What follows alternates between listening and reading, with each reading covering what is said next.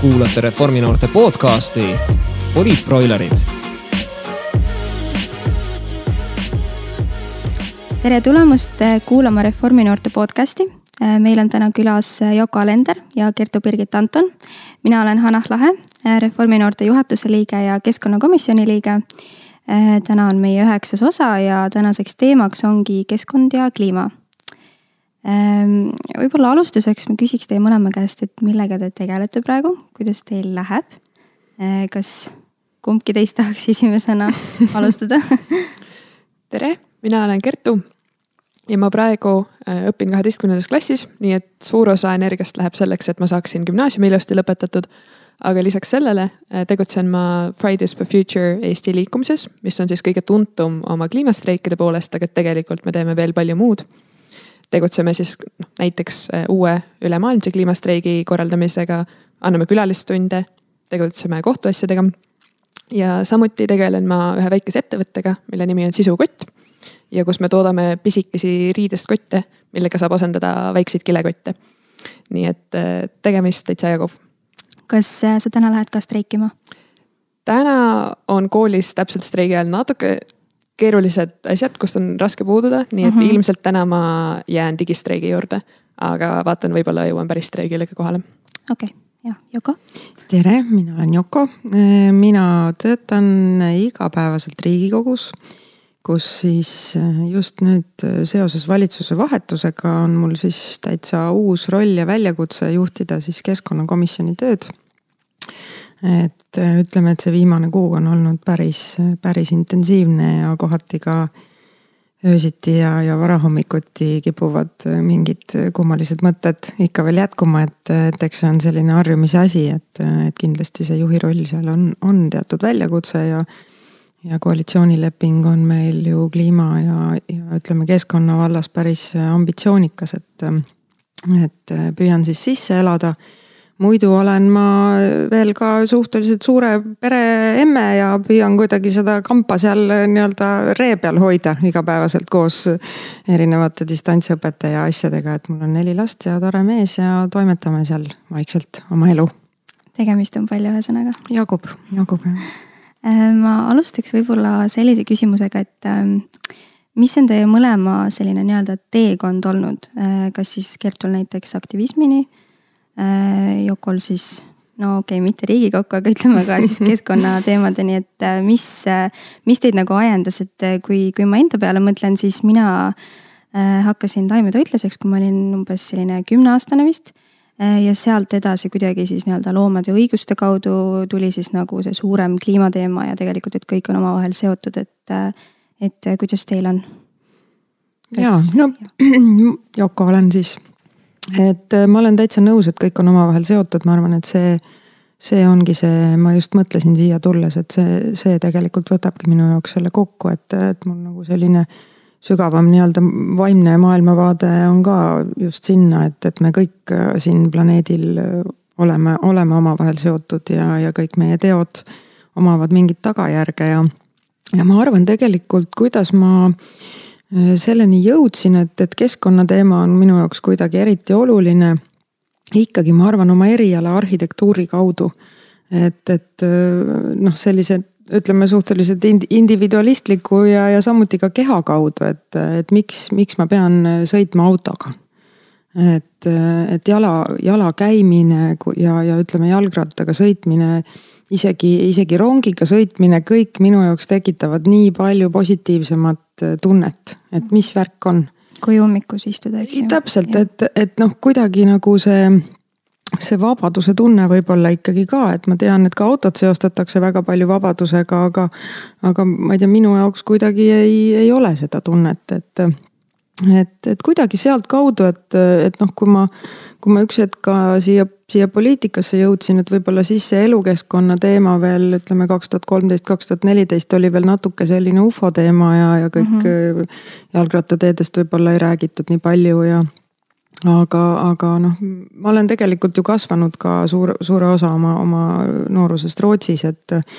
et seal võib-olla mõnes mõttes oli ka ühiskond juba nagu võib-olla rohkem nagu sinnapoole teel, et. et kindlasti sealt, sealt kuskilt ikkagi see enda nagu igapäevaelust tulid ikkagi need, see huvi ja, ja see nii-öelda soov siis kuidagi ka midagi paremaks teha mm. -hmm. võib-olla Kertu, enne kui sa vastama hakkad, siis mulle tuli selline mõte, et kui ma rääkisin siin enda taimetoitlusest, et siis äh, äh, samamoodi, mis Yoko mainis, et see teekond on äh, noh, et see areng on nagu täitsa nagu suur olnud, et äh, kümme aastat tagasi ka ei olnud kusagil mingit taimset piima müügil näiteks, eks ju, et äh, Kertu, noh, millest see sinu teekond algas ja kuidas sa näed, et see on kujunenud siis praeguseks? ma arvan, et minu teekond, mis nüüd lõpuks on välja toonud kliima ja keskkonnaaktivismini, algas pihta minu kodust ja juba sellest, kui ma olin hästi väike. Mul on tunne, et selle juures on kõige suurem roll mu emal, kes äh, niikaua, kui ma mäletan noh, tema on alati üritanud meil kodus teha nii, et äh, me kasutaksime asju võimalikult säästlikult, võimalikult kaua. väiksest peale paljud mu riided on tulnud näiteks teise ringi poodidest ja see on minu jaoks täiesti tavaline olnud. ja, ja nii edasi, sellised suhteliselt pisikesed asjad või minu meelest üsnagi elementaarsed, millega ma olen alati üles kasvanud. ja, ja siis kuskil põhikooli lõpuklassides ma hakkasin järjest rohkem iseendale teadvustama et üldse keskkonnaprobleeme maailmas, mis on minu mõju keskkonnale, meie pere mõju keskkonnale.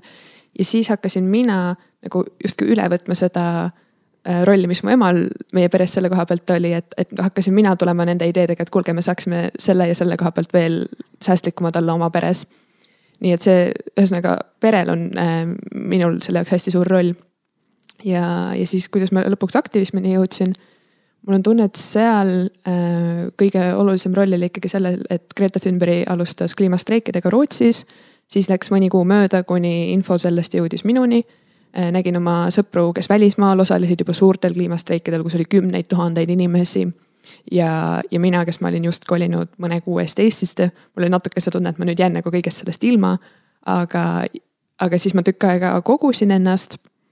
et mul oli tunne, et Eestis oleks väga vaja korraldada kliimastreike just sellepärast, et Eestis me vähemalt tol hetkel isegi õieti ei rääkinud kliimamuutustest, sellest, et see, need mhm. on probleem. et nagu me olime nii-nii maas. ja, ja siis ma õnneliku juhuse läbi kohtusin Kristin Siiliga, kes juba tol hetkel oli siis hakanud korraldama Eesti esimest kliimastreiki. ja, ja kuna mul oli kogu selline nagu pikem kasvamine aktivismi poole oli toimunud, siis ma sel hetkel olin hästi valmis äh, temaga liituma ja, ja kogu ülejäänud FFF-i tiimiga liituma, kes tol hetkeks olemas, olemas oli. nii et siis ma jõudsingi Fridays for Future liikumise algusesse Eestis täpselt siis, kui see liikumine nagu algamas oli mm -hmm. ja mhm. me olime alles korraldamas esimest kliimastreiki mm. -hmm no sa korra puudutasid tegelikult ka mu järgmist küsimust enda teadmata, et äh, kuidas teie lähedased tuttavad äh, sellisesse aktivismi suhtuvad või, või keskkonnateemadesse üleüldiselt, kas te olete neid suutnud mõjutada positiivsel viisil, siis ma loodan?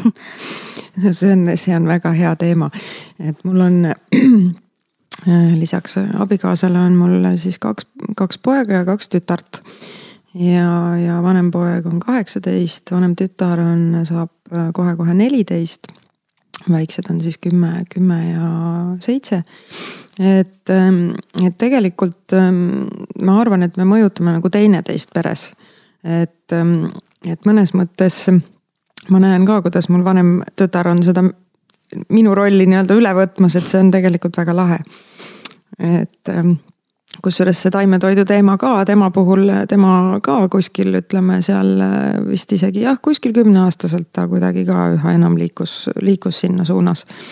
et see on, see on hästi huvitav ja, ja noh, muidugi ega siiamaani kohati ma pean veel noh, millegipärast meil on nagu see poist, poistel on nagu ikka kipub äh, isegi vahel nagu sihuke asi juhtuma, et Taara läheb tavalisse prügikasti, et, et ma ei tea, mis, mis värk see on, aga, aga noh, mõnes mõttes, mitte et ma nagu, ma toetan väga võrdseid võimalusi ja nii edasi, aga, aga kohati mulle tundub, et, et, et poistel käib kuidagi natuke teistmoodi see, et aga, aga noh, ma pean muidugi ütlema, et mul tegelikult on natuke natuke ka mure mõnes mõttes nagu noorte pärast, et ma olen ise ka sellise korraliku nagu läbi, läbipõlemise läbi teinud.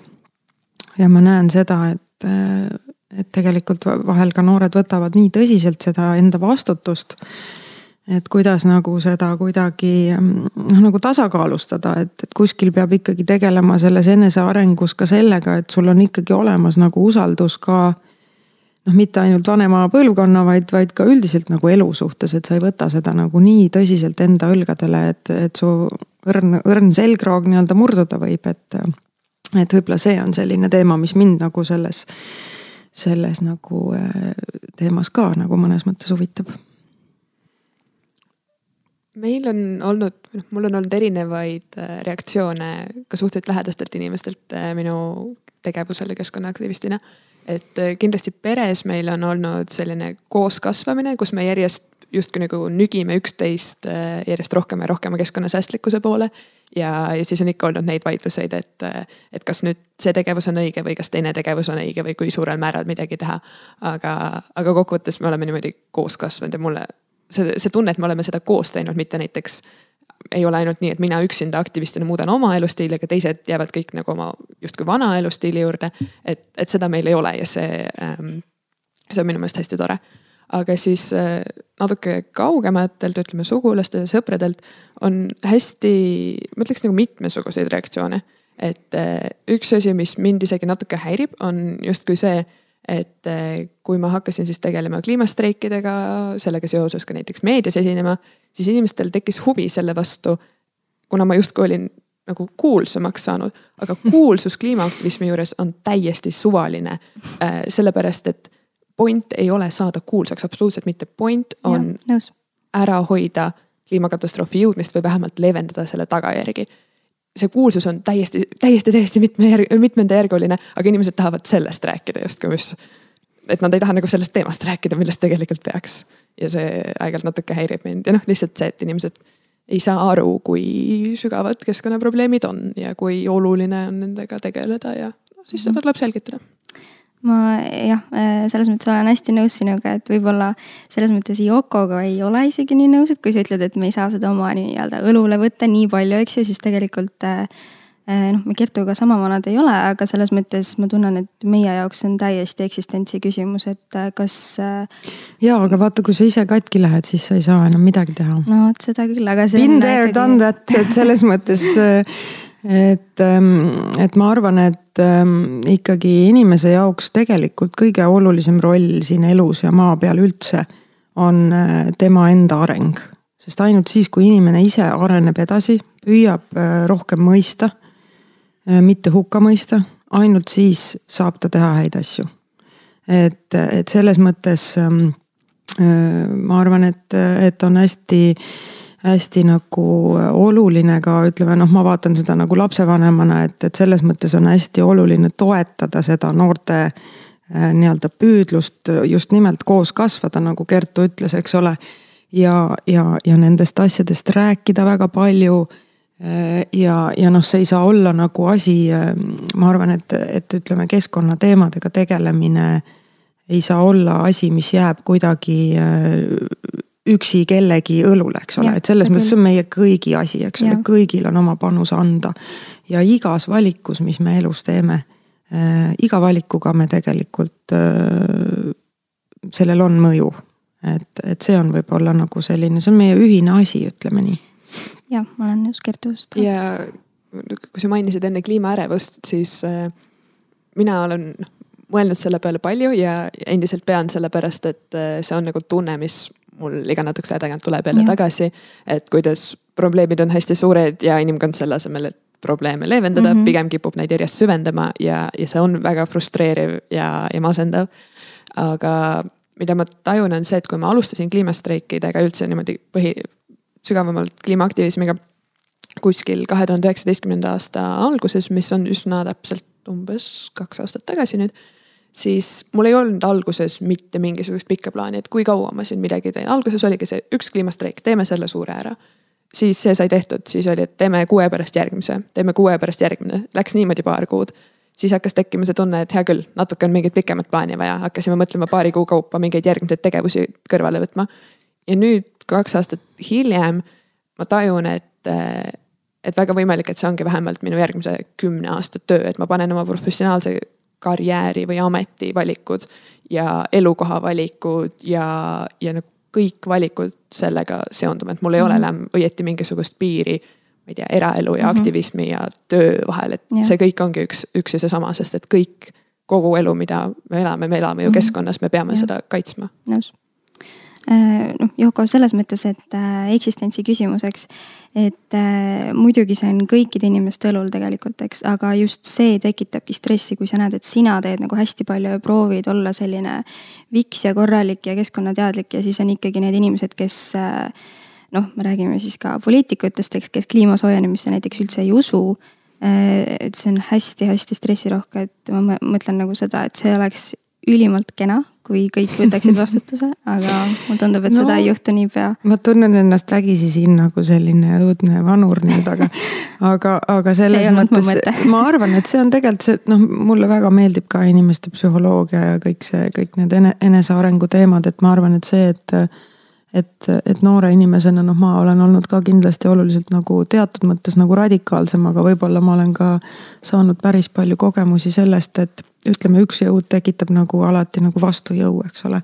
et, et kuidas seal vahel nagu balansseerida ja kuidas käia seda teed nii, et ise ikkagi jääda nagu terviklikuks, et see, see on lihtsalt oluline seda küll jah. aga seda, et poliitikud samuti peaks võtma vastutuse selle koha pealt, ma olen sada protsenti nõus. eriti. absoluutselt, sest et noh, tahes-tahtmata ikkagi nendel otsustel on suur kaugeleulatuv mõju ja ilma nendeta ainult nii-öelda üksikisiku tasandil me neid muutusi ellu ei saa viia.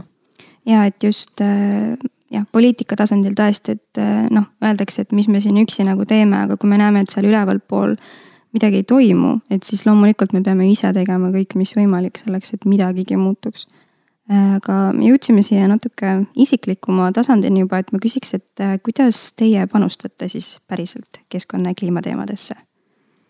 no isiklikus elus minu jaoks need muutused, mida ma hakkasin tegema enne üldse, kui ma päriselt justkui nagu aktivistiks sain, oligi see, et hakkasin vähendama seda, kui palju ma söön liha ja kui palju meie pere sööb liha. ja, ja me oleme seda püüdnud järjest jätkuvalt ja jätkuvalt vähendada. siis igasuguste asjade tarbimise vähendamine, ehk siis püüan osta võimalikult vähe uusi asju äh,.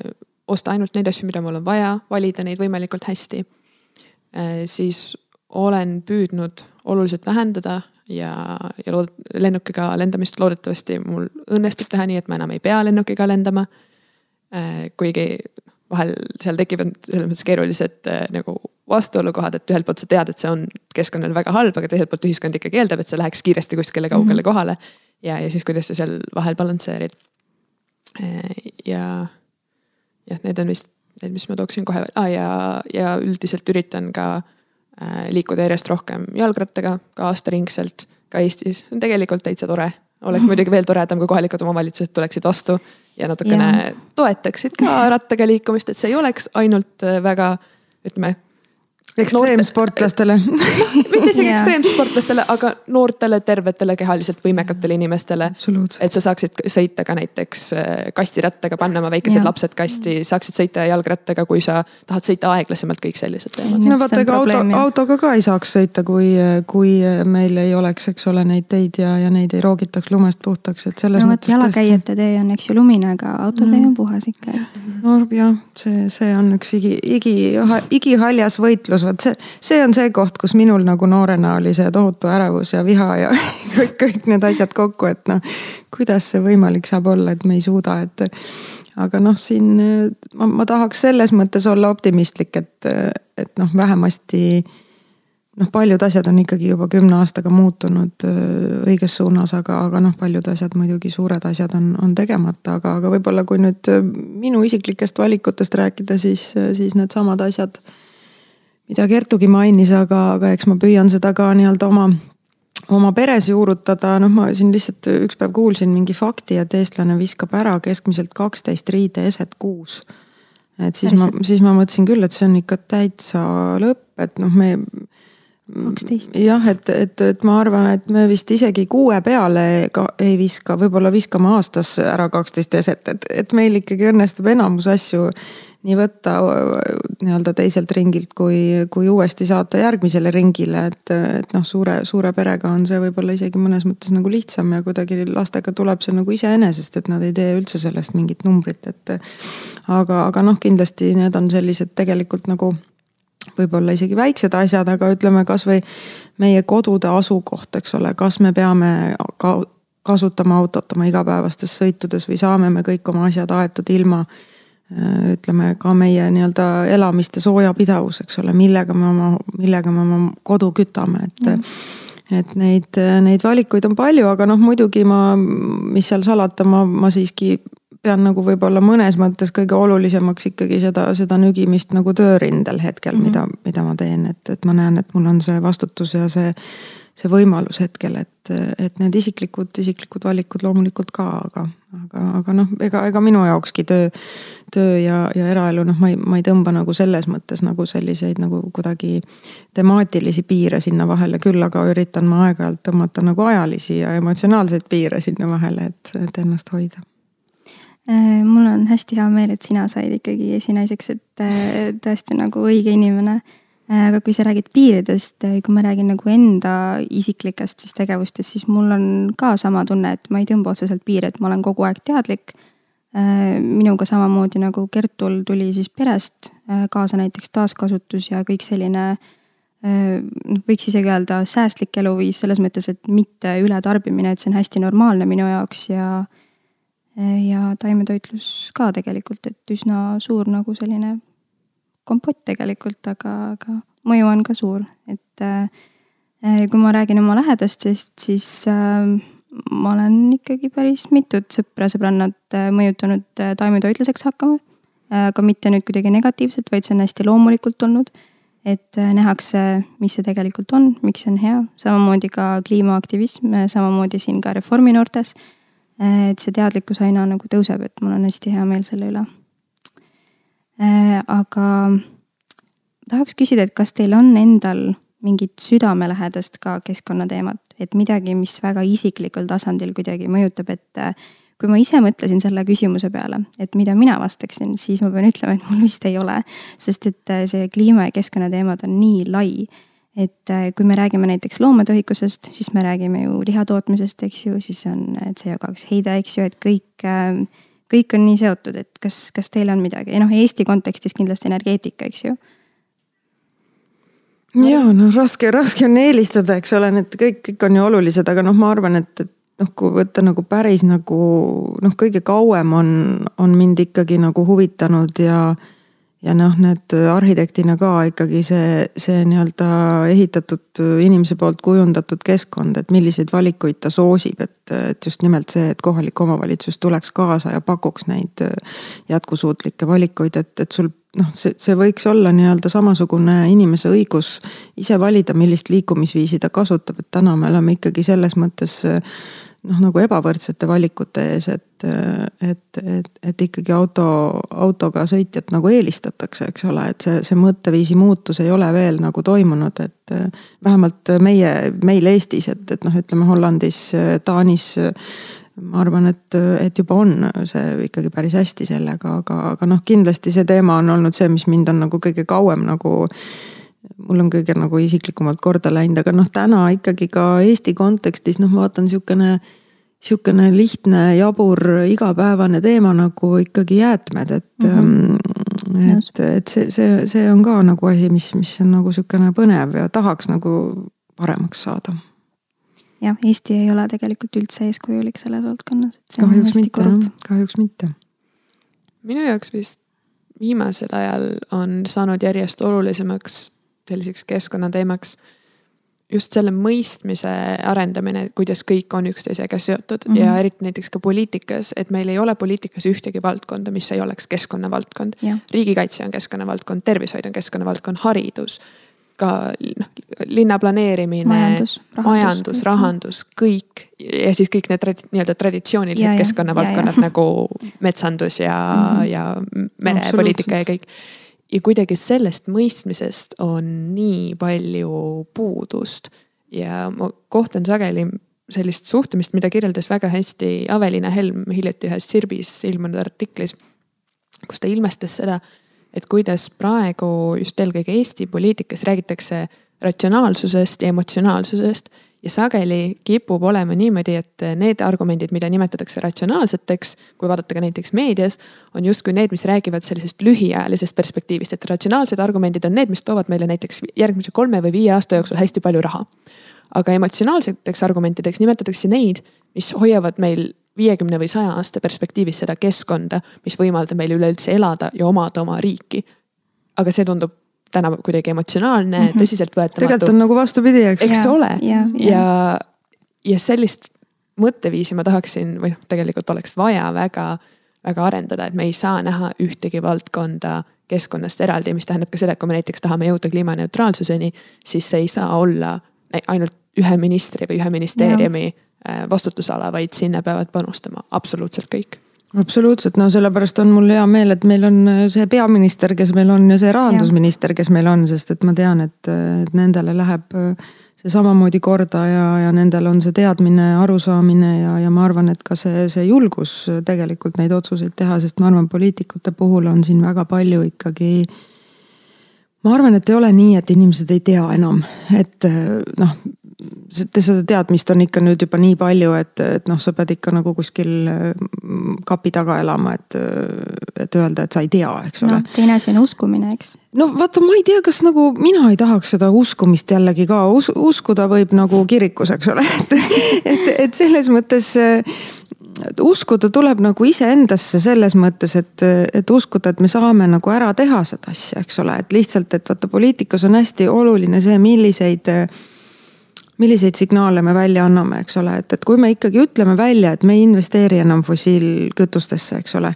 et, et noh, alles siis saavad tegelikult need muutused hakata nagu juhtuma, et, et mõnes mõttes me ju teame seda juba ammu noh, et, et, et põlevkivielekter ei ole ammu enam konkurentsivõimeline, eks ole.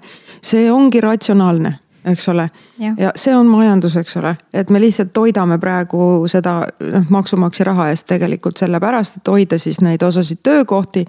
aga, aga tegelikult me ju pärsime ka innovatsiooni selles ja. mõttes, et anda ettevõtetele see signaal, et meil on tõsiselt vaja alternatiive kohe, eks ole ma tegelikult vaidleks kõvasti vastu sellele, et inimesed teavad, kui äh, sügavad on keskkonnaprobleemid.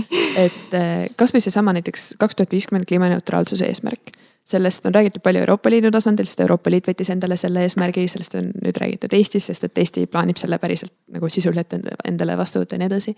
ja, ja sellest räägitakse üldiselt nagu peavoolu diskussioonis, ma ütleks sellises võtmes, et see on hästi ambitsioonikas ja see hoiab ja. meil ära äh, kliimakriisi sattumise tõenäosuse mm. -hmm. tegelikult, kui võtta kõrvale IPCC ühe koma viie kraadi erisoojenemise raport, siis äh, seal on kirjeldatud äh, niisugune globaalne kasvuhoonegaaside heite vähendamise trajektoor, millega, et kui kogu maailm liiguks niiviisi, siis me jääksime kaks kolmandikku tõenäosusega alla ühe koma viie kraadise soojenemise. ja seal need verstapostid ongi, et umbes nelikümmend viis protsenti vähendada kasvuhoonegaaside heidet aastaks kaks tuhat kolmkümmend võrreldes -hmm. sellega, mis oli aastal kaks tuhat kümme. ja siis jõuda kahe tuhande viiekümnendaks aastaks kliimaneutraalsuseni. Ainult, et seal on veel üks lõik, mis ütleb, et sellisel trajektooril, kui kogu maailm nii tegutseks, siis lisaks nendele, nende verstapostide saavutamisele tuleks sajandi teises pooles eemaldada atmosfäärist sada kuni tuhat gigatonni kasvuhoonegaase. võrdluseks inimkond paiskab praegu atmosfääri igal aastal umbes nelikümmend kaks gigatonni. meil ei ole hetkel ühtegi tehnoloogiat, millega seda teha. ja võib-olla täiesti võib juhtuda, et meil ei saa neid tehnoloogiaid kunagi olemas olema. mis tähendab, et kui me lood-, kui me otsustame, et me ei jää lootma nendele tulevikutehnoloogiatele, mida võib-olla ei saa olemas olema. siis me peaksime kliimaneutraalseks saama mitukümmend aastat varem ja lisaks sellele, kui võtta arvesse näiteks ka kliimaõiglust, ehk siis seda, et eh, riigid, kes eh, on ajalooliselt oluliselt rohkem kasutanud, eh, noh paisanud atmosfääri kasvuhoonegaase, selle käigus ehitanud üles endale infrastruktuuri, teed, koolid, haiglad, kõik, siis need riigid peaksid maailma keskmisest palju kiiremini äh, vähendama enda kasvuhoonegaaside heidet mm. -hmm. seega tegelikult see kaks tuhat viiskümmend eesmärk, jah, see on ambitsioonikas praeguses poliitmaastikus, aga teadusele otsa vaadates see on ikkagi liiga vähe. no ma lugesin hästi huvitavat äh, artiklit just äh, ka ühe selle IPCC raporti autori nii-öelda jutt, intervjuu temaga ja, ja ta tõi päris hästi välja selle, mis siis koroona aastal juhtus. et et, ähm, et see nii-öelda maksimaalne heitmete vähendamine, mis seal oli siis globaalselt äh, seitseteist protsenti ühel päeval võrreldes siis sama päevaga nii-öelda eelmisel aastal. et tegelikult, kui me tahaks jääda sinna ühe koma viie kraadi soojenemise juurde, siis me peaksime järgmise kümne aasta jooksul iga aasta sama palju vähendama, eks et, et see annab ikka päris nagu noh, ja keegi ei taha ju maailma pausile panna, nii nagu me oleme seda teinud koroona ajal, et, et see ei saa olla lahendus, eks ole. Ja mingeid struktuurseid muudatusi me ju väga palju nagu ellu tegelikult kutsunud ei ole, eks ole. et, ähm, et selles mõttes noh, põhjust ärevuseks absoluutselt on. Siin ei ole midagi teha jah. ja, ja ma olen täitsa noh, selles mõttes ma tahaks öelda, et et see tea-, noh, lihtsalt ei ole nagu õigustust öelda, et ma ei tea. Seda ma tahtsin võib-olla pigem öelda, et, et, et ma olen nõus, et tegelikult need, mm, see reaalsus, noh, ütleme Eestis eriti on juhtunud ju väga nüüd viimasel ajal, eks ole. et, et just võib-olla on vaja ka neid sõnumeid nagu tõlkida sellisesse nagu igapäevasesse keelde, et võib-olla mõnes mõttes see koroona aja heitmete vähenemine, see on päris nagu hästi näitlikustab võib-olla ka inimeste mm -hmm. jaoks nagu seda, seda olukorra tõsidust, eks ole Äh, Kertu, sa mainisid ambitsioonikust ja neid aastaarve, eks ju. Äh, tegelikult tahtsin järgmisena küsida teie võib-olla sellistest õppetundidest või, või kogemustest, nii positiivsetest kui negatiivsetest, mis te olete seoses keskkonnateemade eest seismisega saanud, aga mul ambitsioonidega tuli kohe meelde üks minu enda hiljutine kogemus. nii positiivne kui negatiivne. EPL-is ilmus siis Euroopa Parlamendi saadiku Riho Terrase arvamusartikkel, äh, kus ta siis räägib, et äh, Eesti hakkab liituma Venemaa gaasiga. Ja ühesõnaga, et äh, kliimaärevust on nii palju ja igasugused fanaatikud oli vist see sõna, mis ta kasutas. lihtsalt ajavad inimesi pöördesse ja see on ikka täitsa nagu kohutav ja siis ähm, ma kirjutasin talle nii-öelda vastulause ka EPL-i, et sest mind ajas nagu tohutult marru see, mida ta ütles konkreetselt ühes lõigus, et äh, miks ometi on Eesti nii ambitsioonikas, et äh, kaks tuhat viiskümmend on ju see eesmärk, aga meil on kaks tuhat kolmkümmend või kolmkümmend viis, et mis mõttes, et et noh, ma mõtlen nagu saadiku peale, eks ju, kes peaks olema eesrindlik, samamoodi ambitsioonikas, uuenduslik, eks äh, rahvusvahelises keskkonnas nagu tegutseb, et kuidas see on võimalik, et ta ei märka seda seost ja kuidas ta imestab ambitsioonikuse üle. et ähm, see oli nagu see negatiivne pool ja negatiivsed olid ka siis minu vastulause kommentaarid ilmselgelt ma kõike ei hakanud lugema. jummel, jummel, ära äh, loe kommentaare. esimest kümmet, kusjuures äh, päris äh, mitu naljakat oli ka. aga, aga jah, positiivne oli see, et ma sain nagu selle vastulause öelda ja tänu sellele jälle siis oma tutvusringkonnas see kuidagi läks laiali ja inimesed said nagu rohkem teadlikumaks, aga aga ma küsiks teie käest, et võib-olla mingid hiljutisemad või võib-olla ka minevikust midagi, mingid suuremad kogemused, õppetunnid? no minul võib-olla siin päris nii-öelda viimastel päevadel ähm, pidasime siis keskkonnakomisjonis, äh, nõutasime endale selle äh, Euroopa Liidu taastuvenergia direktiivi ülevaatamise, mm, mis siis puudutab ähm, kuidas siis ka muuhulgas siis puidu põletamist ähm, käsitletakse, et seda on selle vana direktiivi järgi peetud siis hästi nagu säästlikuks ja ja loetud nagu taastuvenergiaks, et, et seal tegelikult on väga palju küsimärke loomulikult ja, ja teadlased on need küsimärgid ka viimasel ajal siis päris hästi nagu välja toonud ja, ja see senine valitsuse arvamus oli siis, et tegelikult Eesti ei Eesti ei tahaks, et neid säästlikkuse kriteeriumeid siis üle vaadatakse, ehk siis, et, et karmistataks siis Euroopa Liidu poolt neid, ähm, neid suuniseid ja kui meil see arutelu oli, siis me suutsime komisjonis ikkagi konsensuslikult öelda, et Eesti peaks toetama seda, et, et Euroopa Liit teadlaste teadlaste siis juttu tõsiselt võtab ja, ja vaatab need asjad üle, et, et vaatame, kuidas sellega nüüd edasi läheb. et, et lihtsalt, et noh, võib-olla noh seda positiivset ja negatiivset, vaata mina olen oma elus jõudnud sinna staadiumisse, kus ma püüan, püüan seda duaalsust nagu vähendada ja, ja, ja mitte näha nii palju seda musta ja valget, et ma püüan hästi nagu ikkagi saada aru, et mis on nagu need, mis on see vastaspoole huvi ka, eks ole, alati mm. -hmm et mis see on, mida ta kardab, mis see on, mille eest ta seisab ja seda talle ka nagu sõnastada, peegeldada, et et, et täpselt nagu siin oli jutt, eks ole, et, et loomulikult meil on äh, ka suured nii-öelda energeetikaettevõtted, eks ole, kes seisavadki iseenda eest, selle eest, et need äh, suured hunnikud, need katlad, eks ole, saaks töös olla. noh, muidugi loomulikult seal on taustal ka, ka hulk inimesi, kes seal töötavad ja, ja nende sotsiaalne toimetulek on oluline, sellest ei saa kõrvale vaadata, eks ole. aga, aga noh, kuskil tuleb, tuleb ikkagi ka valikuid teha ja, ja tõepoolest see kasvõi seesama terase viide, eks ole et noh, me ei saa kuidagi öelda, öelda, et me oleme Eestis tohutult ambitsioonikad, olgem ausad. et, et selles mõttes noh, me, me oleme ikkagi, meil on lihtsalt see lähtepunkt, kust me tuleme, eks ole. Noh, need heitmed olid lihtsalt niivõrd suured, eks ole, et loomulikult me oleme palju saanud puhtamaks aga, aga selles mõttes noh, meil on ikkagi äh, vaja lahendada, noh energeetika tahes-tahtmata on väga põletav teema, eks ole. eriti Eestis jah. et, et, et selles mõttes siin on noh, siin on, siin on niivõrd, niivõrd nii-öelda pikk tee minna, eks ole, et, et tuleb, tuleb minna suuremate sammudega ma selle äh, duaalsuse mõttega olen hästi nõus, et tegelikult äh, kui on nagu selline äh, mina versus nemad nagu mentaliteet, siis ei jõua nagu kuhugi, et see tekitab ja. seda negatiivset vastasseisu. pigem peab positiivsega ja. ikkagi edasi minema. et leidma seda ühisosa ikkagi ja, ka lõpuks, eks ole. et just jälle see seotus, eks ju. Aga samas ma haaran sellest mõttest kohe kinni, et äh, seal minu meelest natuke tuleb ka see teema, et, äh, et kas me saame näiteks käsitleda ühtedel alustel teadlasi, kes äh, see, räägivad loodusseaduste nimel. ja, ja näiteks ütleme majandusinimesi, kes siis räägivad inimeste suvale alluva majandussüsteemi eest okay,. majandussüsteemi saavad inimesed muuta, selle ja. me oleme ise üles ehitanud ja selle me tegelikult see muutubki juba. ja see muutubki ja. ja selle me võime inimestena, kui me soovime ka näiteks kokku kukutada. aga loodust ja loodusseaduseid meie inimestena, me ei saa neid muuta. loodus paneb meile piirid ette, mille sisse meie peame ehitama oma majanduse, oma ühiskonna ja kõik muud. ja, ja mul on tunne, et siin on nagu küsimus, noh, kus ei saa teha selles mõttes kompromisse. et me peame võtma selle, need looduse piirid, mis meil on ja mitte neist väljuma ja, ja, ja siin võib-olla on ikkagi see inim-, noh, kuidas ikkagi see läheb nagu võib-olla eksistentsialistlikuks, aga mõnes mõttes see on oluline, et kuidas inimene ennast selles looduses näeb, eks ja. ole et kas tema nagu toimetab või on ta lihtsalt osa sellest, eks ole mm. -hmm. et, et võib-olla see on ikkagi olnud ka see, see inimese nii-öelda ülemvõim mõnes mõttes, eks ole, et, et võib-olla see on see, kus peab ka nagu see mõtlemine muutuma ja noh, midagi ei ole teha, me ju.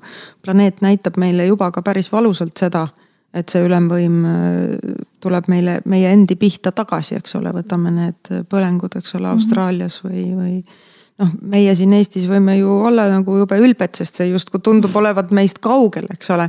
aga ega fakt on see, et kui me, kui me ei suuda kliimamuutusi äh, mingilgi määral peatada, eks ole, siis see kliimamigratsioon, äh, mis sellest tuleneb, see on kõik meie suunal, et siis tuleb olla nagu valmis äh, teistsuguseks eluks ka siin Eestimaal.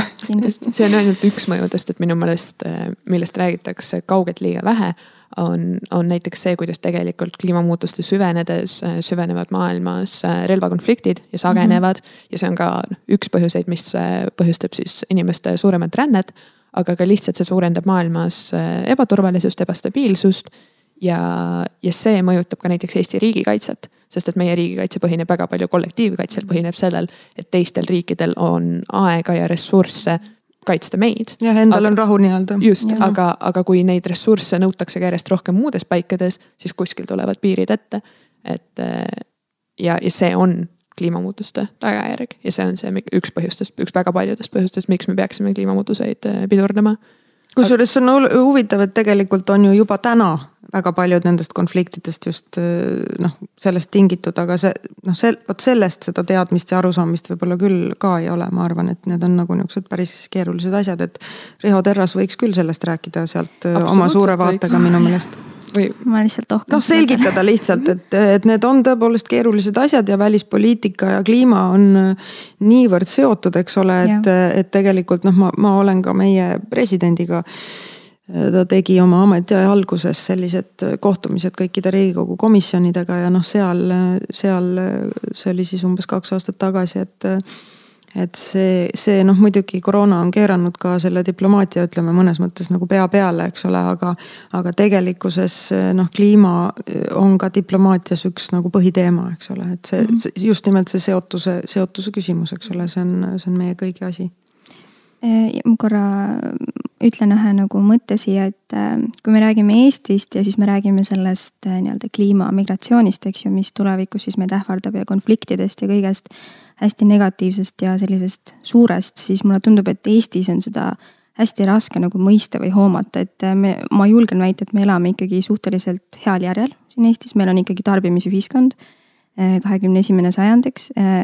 hästi palju on sellist globaliseerumist toimunud ja tihti nagu ei saagi aru, et midagi on valesti, kui sa ostadki kuus need kaksteist riideeset, eks ju, ja siis viskad need minema ja, ja sõidad Boltiga ja et sellised äh, igapäevased väiksed asjad, äh, mis lõpuks siis kujundavad kuidagi meie elu, et äh, nende kõrvalt nagu seda suurt pilti vaadata on hästi keeruline, et elaks me siis kusagil ekvaatorile lähemal, eks ju, kus oleks juba hästi-hästi kuum et meil on siin noh, praegu on miinuskraadideks, kõigil on hea öelda, et ah, kliima soojenemine ei ole päriselt ja, ja kõik nagu sellised Eesti olud kokku, et äh, selles mõttes oleme natuke kehvas olukorras, et meieni jõuavad asjad natuke hiljem. ja no meie, meie loodus annab meile tohutu puhvri, eks ja. ole, ka mõnes mõttes kasvõi üleujutuste eest oleme me kaitstud, aga.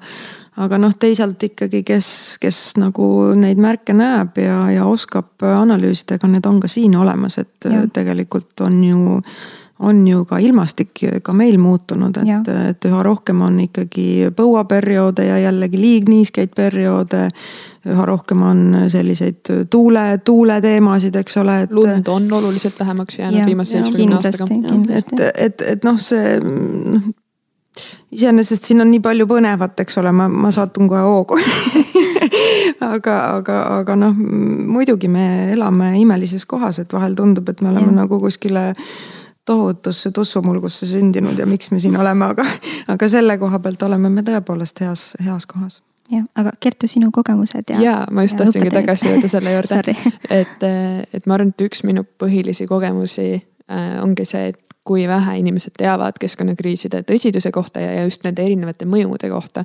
ja, ja ma teadvustan ka seda, et ma ise õpin, ma ütleks peaaegu et igapäevaselt ikkagi juurde selle kohta näiteks, et kuidas äh, kliimamuutused halvendavad maailmas äh, naiste õiguste seisukorda mm -hmm. väga tugevalt. seda on äh, rohkem näha vähem arenenud riikides, kus see tüüpiliselt avaldubki näiteks selles, et kui perekond tegeleb palju põllumajandusega ja on olnud äh, sellised väga ootamatud ilmastikuolud, mille tõttu näiteks põllusaak on kas hukka läinud või põllul on rohkem töökäsi vaja. siis tüüpiliselt on tüdrukud need, kes võetakse esimesena koolist mhm. ära põllutööle appi. Äh, ehk siis tüdrukute haridustee jääb kliimamuutuste tõttu otsesema, lihtsamini katki. Äh, samamoodi see, et kui pere satub kliimaolude tõttu majanduslikesse raskustesse, siis jällegi tüdrukud on üks esimesed, kelle koolimaksu pealt hakatakse säästma mm, -hmm. kes võetakse koolist ära. ja, ja üldiselt näiteks just vähem arenenud riikides äh, naised äh, oskavad vähema tõenäosusega ujuda. ehk siis, et kui on vaja põgeneda äh, mingite loodusolude eest, siis naised juba kasvõi mm -hmm. seetõttu satuvad suuremasse ohtu. ja, ja neid näiteid on veel ja veel ja veel ja see on jällegi, mul on tunne üks aspekt kliimamuutustest, milles, mille kohta Eestis nagu õieti keegi justkui, justkui ei räägi, et jah mm, -hmm. Eestis ma arvan, et inimesed saavad juba enam-vähem aru sellest, et jah, okei okay,, on mingisugune abstraktne inimtegevus, mis põhjustab mingeid abstraktseid kliimamuutuseid kuskil mujal kaugel. aga see, kuidas see mõjutab meid, milliseid tegevusi me peaksime tegema, et kliimamuutuseid pidurdada. näiteks, mida ma olen tüüpiliselt kohanud külalistundides, et eh, kui ma siis küsin laste käest, eh, kellega ma kliimamuutustest räägin, et eh, kuidas peatada kliima soojenemist. siis tavaliselt top kolme vastuse hulgas on ära viska prügi maha wow.. mis ja, ja see on olnud erinevates Eesti koolides, erinevates vanuseklassides minu kogemuse põhjal hästi levinud. et, et kasvõi nagu see väärseos, et jah, prügi ei tohi maha visata, sellepärast et see reostab loodust, see satub mm -hmm. lindudele kõhtu ja nii edasi. aga see ei peata kliimamuutuseid juba iseenesest. et selle koha pealt on teadlikkus hästi-hästi madal jah, eh, jällegi see seotuse teema, eks, et kui niimoodi võtta eraldi lahti need teemad, et naiste õigused ja kliimamuutused. et eh, esialgu ei paneks neid küll kuidagi kokku, et kuidas need ometi võivad seotud olla, aga, aga jah. kliimaprobleemid puudutavad absoluutselt igat valdkonda, et see saab ka minu jaoks aina selgemaks ja, ja teadlikkus on tõesti madal, nõus või näiteks kindlustusfirmad ja kliimamuutused. et kindlustusfirmad ei taha enam, seda on maailmas järjest rohkem näha, ei taha enam kindlustada rannikuäärsete hmm. inimeste maju, sellepärast et selle tõenäosus, et need ujutatakse üle, on nii suur. et ilmselt see kindlustusfirma ei saa seal olema kasumlik või näiteks põlenguohtlikes piirkondades elavate mm -hmm. inimeste vara või, või ka näiteks see läheb ka ettevõtete vara peale. ja kui me mõtleme, kui olulised on maailmas kindlustussüsteemid ja, ja. ja me teame, et see on praegu kliimamuutuste tõttu sisuliselt kokku kukkumas siis mõtleme selle sotsiaalsetele tagajärgedele, kui inimesed ei saa enam oma vara kindlustada. mõtleme sellele koormale näiteks, mis siis lõpuks ka riigisüsteemile mhm. tuleb. siis me näeme, et see probleem on just täpselt nii hiiglaslik ja keeruline, nagu ta see on. on väga huvitav, et äh, kliima jõudis nüüd majandusse ja sotsiaalsesse valdkonda ja siis tegelikult eraldi täitsa nagu kindlustus, et. ja no see jõuab ikkagi noh, see, see on meie enda kodus noh, meie, meie ja. söögilaual, meie rahakotis igal pool, eks ole. et, et minu meelest see, see on hästi oluline ka just nimelt, et see nii-öelda rahandus ja majandusmaailm üha enam oskab ka nii-öelda lihtsate asjade kaudu seda selgitada, eks ole, just nagu sa tood, see on väga hea näide, et, et siin oligi Peeter Luik meil hiljuti kirjutas päris hea artikli või, või andis intervjuu. üks selline nii-öelda rahandusanalüütik Eesti Pangast kus just nimelt äh, ta tõi seda hästi välja, et kuidas tegelikult see muutus majanduses on äh, juba aset leidnud, eks ole, ja seal. kui me ei suuda ka riigina reageerida, eks ole, noh siis me jääme kaotajaks lihtsalt ehm,. oleme siin juba päris kaua istunud, ilus talvehommik on äh, hakkaks natuke kokku tõmbama, et ma küsiks kaks viimast küsimust ehm,. kui lootusrikkad te olete tuleviku osas eh, ja mida teie meelest on oodata? see on esimene. Eh, ja teiseks siis eh, mingisugune hea mõte, loodetavasti positiivne, mida kuulaja võiks kaasa võtta kliima ja keskkonnateemade osas. kumbki ei taha alustada? mina ei ole väga lootusrikas tegelikult. et ähm, kõlab halvasti, aga, aga selles mõttes ma arvan, et äh, parem on olla nagu realistlik. et, äh, et noh, kui me nagu sellise roosa manna hurraaga läheme, noh, see, see ei ole, see ei ole ilmselt adekvaatne enam täna. et, et need on väga rasked muutused ja ma arvan, et need äh, tahes-tahtmata need, me peame samal ajal kogu aeg tegelema ka kliimamõjudega kohanemisega. et see on see reaalsus, kuhu me, kuhu me oleme ennast toonud siis nüüd, kui minna nagu selliseks nii-öelda jällegi noh, eksistentsialistlikuks tahes-tahtmata, ma ei tea, mulle endale nagu lihtsalt see, need, ma ei suuda nagu elada ilma, et mõelda ikkagi ka selliste nii-öelda vaimsete teemade peale.